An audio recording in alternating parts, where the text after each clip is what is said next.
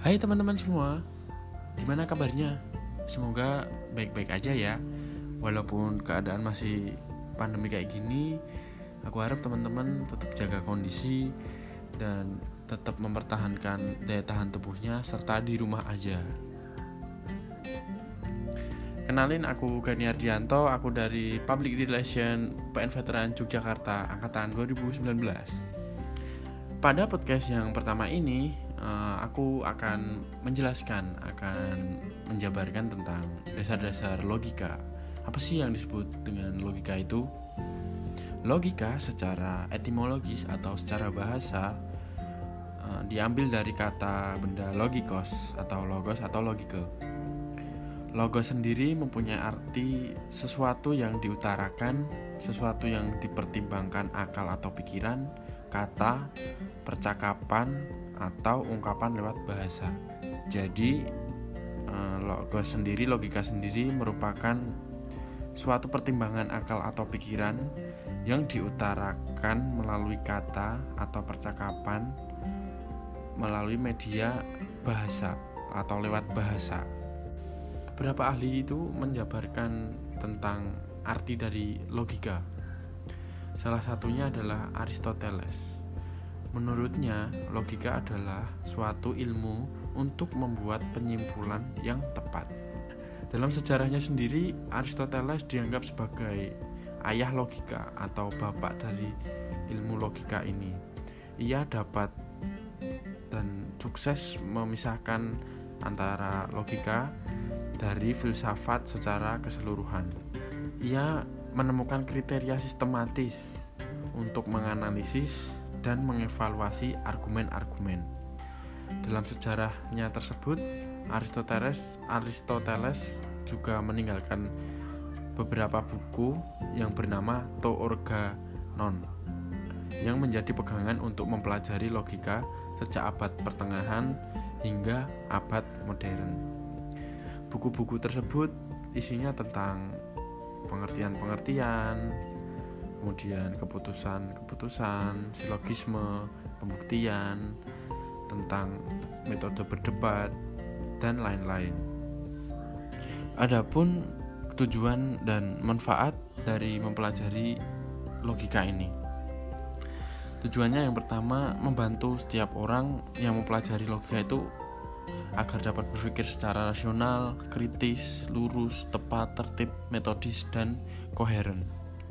Lalu meningkatkan kemampuan berpikir secara abstrak, cermat, dan objektif, menambah kecerdasan dan meningkatkan kemampuan berpikir, meningkatkan kecintaan akan kebenaran dan menghindari kekeliruan, serta terampil dalam menyusun suatu argumen yang logis dan mempertahankannya sehingga dapat mengevaluasi argumen orang lain dan dapat membongkar kelemahan dari pernyataan orang lain.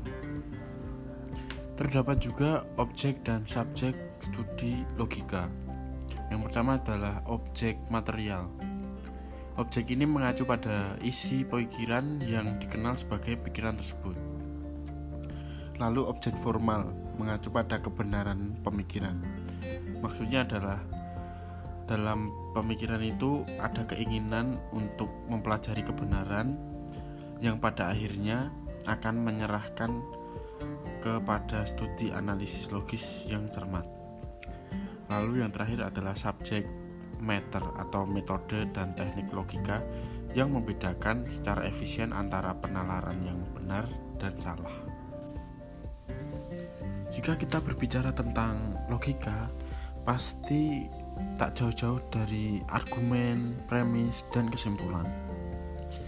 Argumen pada dasarnya, argumen merupakan sekelompok pernyataan yang di dalamnya terdapat satu atau lebih pernyataan lain atau premis yang menyatakan dukungan atau alasan untuk mempercayai pada pernyataan lain tersebut atau kesimpulan. Argumen dikelompokkan menjadi dua, good argumen atau premis-premis yang benar-benar mendukung kesimpulan dan bad argumen yakni argumen yang premisnya itu tidak mendukung kesimpulan meskipun dinyatakan mendukung. Selanjutnya pernyataan. Pernyataan sendiri merupakan sebuah kalimat bisa benar atau salah yang umumnya berbentuk sebuah kalimat deklaratif atau komponen kalimat yang dapat berdiri sebagai kalimat deklaratif. Pernyataan sendiri bukanlah suatu argumen karena berbentuk tunggal atau singular. Untuk membuat argumen, kita harus menggabungkan beberapa pernyataan yang bisa dihubungkan dalam hubungan premis dan kesimpulan.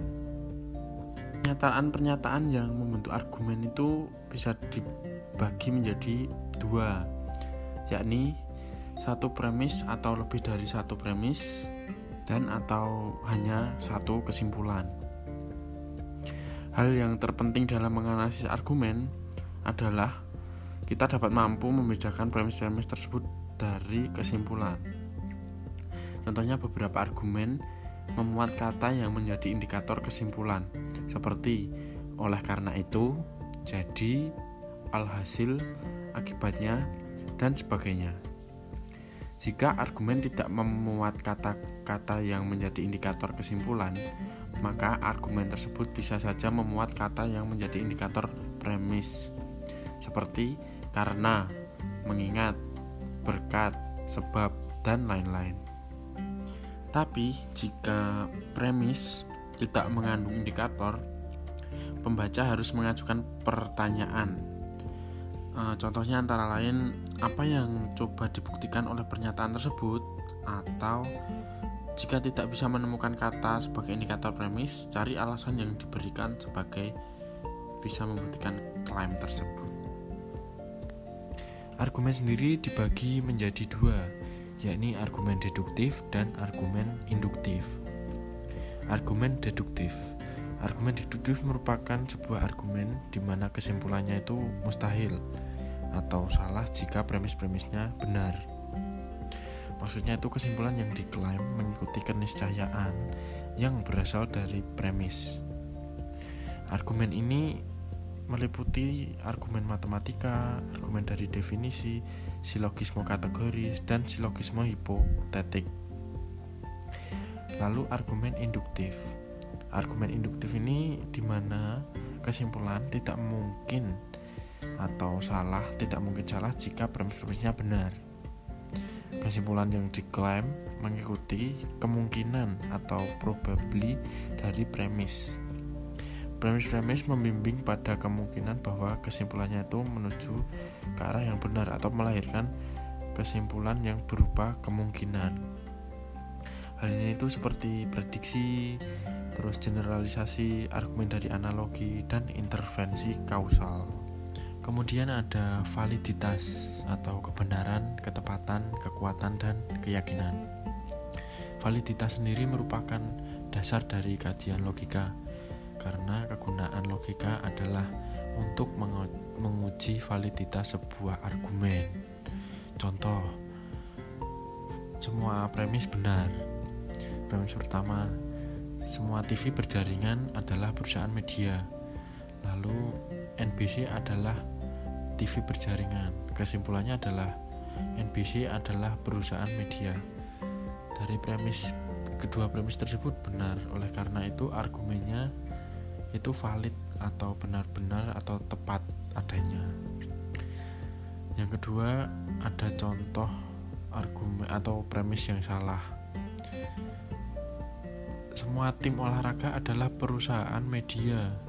Barack Obama adalah tim olahraga. Oleh karena itu, Barack Obama adalah perusahaan media. Premis dan kesimpulan semua salah, namun memiliki format yang sama dengan contoh yang tadi yang pertama. Cara penarikan kesimpulannya sudah benar, namun argumen ini valid meskipun semua premisnya salah.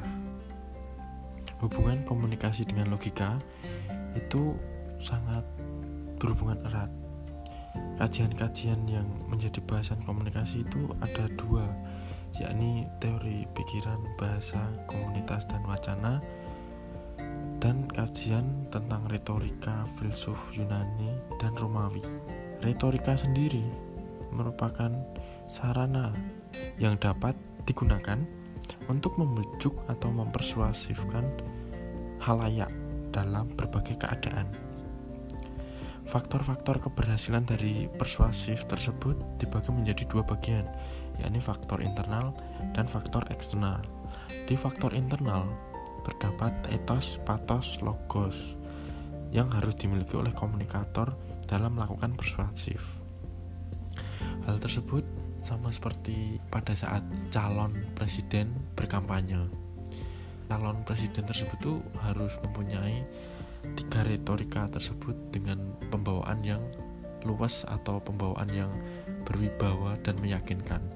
Untuk meyakinkan pemilih suara itu agar memilih beliau berdua. Hal tersebut harus ditunjang dengan faktor internal dari komunikator, yaitu seperti kecakapan dia berbicara, lalu keluasan dia menjabarkan solusi-solusi yang tentang masalah yang ada dan lain-lainnya. Yang kedua, ada persuasif non teknis atau faktor eksternal, yaitu meliputi saksi, bukti, dokumentasi yang memungkinkan komunikator mempersuasifkan dengan mudah.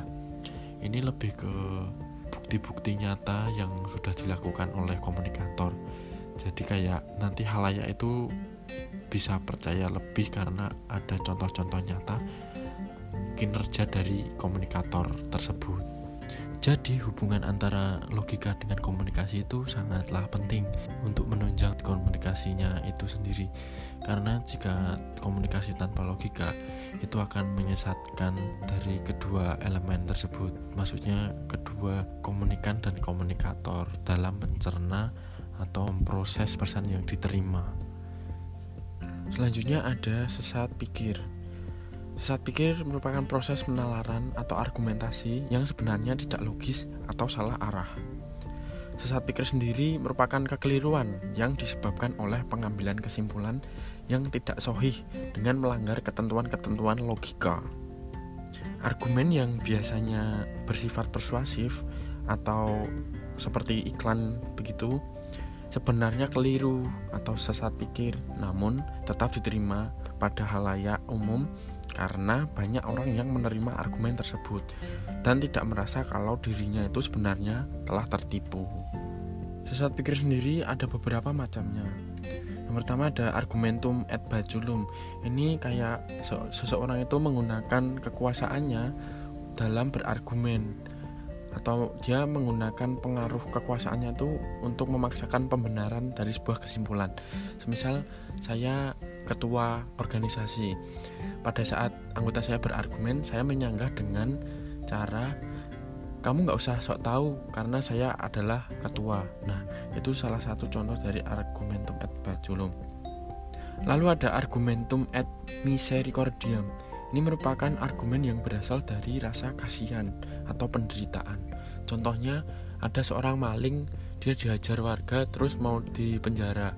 Namun dia berargumen bahwa dia mempunyai anak dan istri yang harus dinafkahi. Makanya dia nggak mau kalau harus dipenjara ini merupakan kesesatan dalam berpikir. Ada juga argumentum et populum. Ini merupakan argumen yang menarik halayak umum. Ini biasa dipakai pada industri periklanan. Tapi ini tuh sebenarnya sesat dalam pikir. Ada juga argumentum et hominem. Merupakan kesesatan yang selalu melibatkan dua orang atau lebih. Contohnya ada satu orang berargumen, lalu orang kedua dia mengajukan argumen, namun dia menyerang pribadi orang pertama. Jadi kayak saling serang begitu. Ini merupakan kesesatan berpikir karena dia orang kedua itu tidak menanggapi argumen orang pertama, namun dia menyerang pribadi dari orang pertama.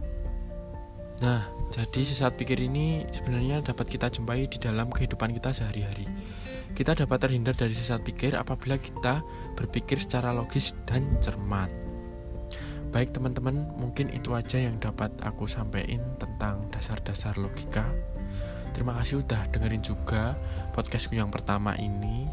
Kurang lebihnya mohon maaf, tetap jaga kondisi, stay safe, sampai jumpa.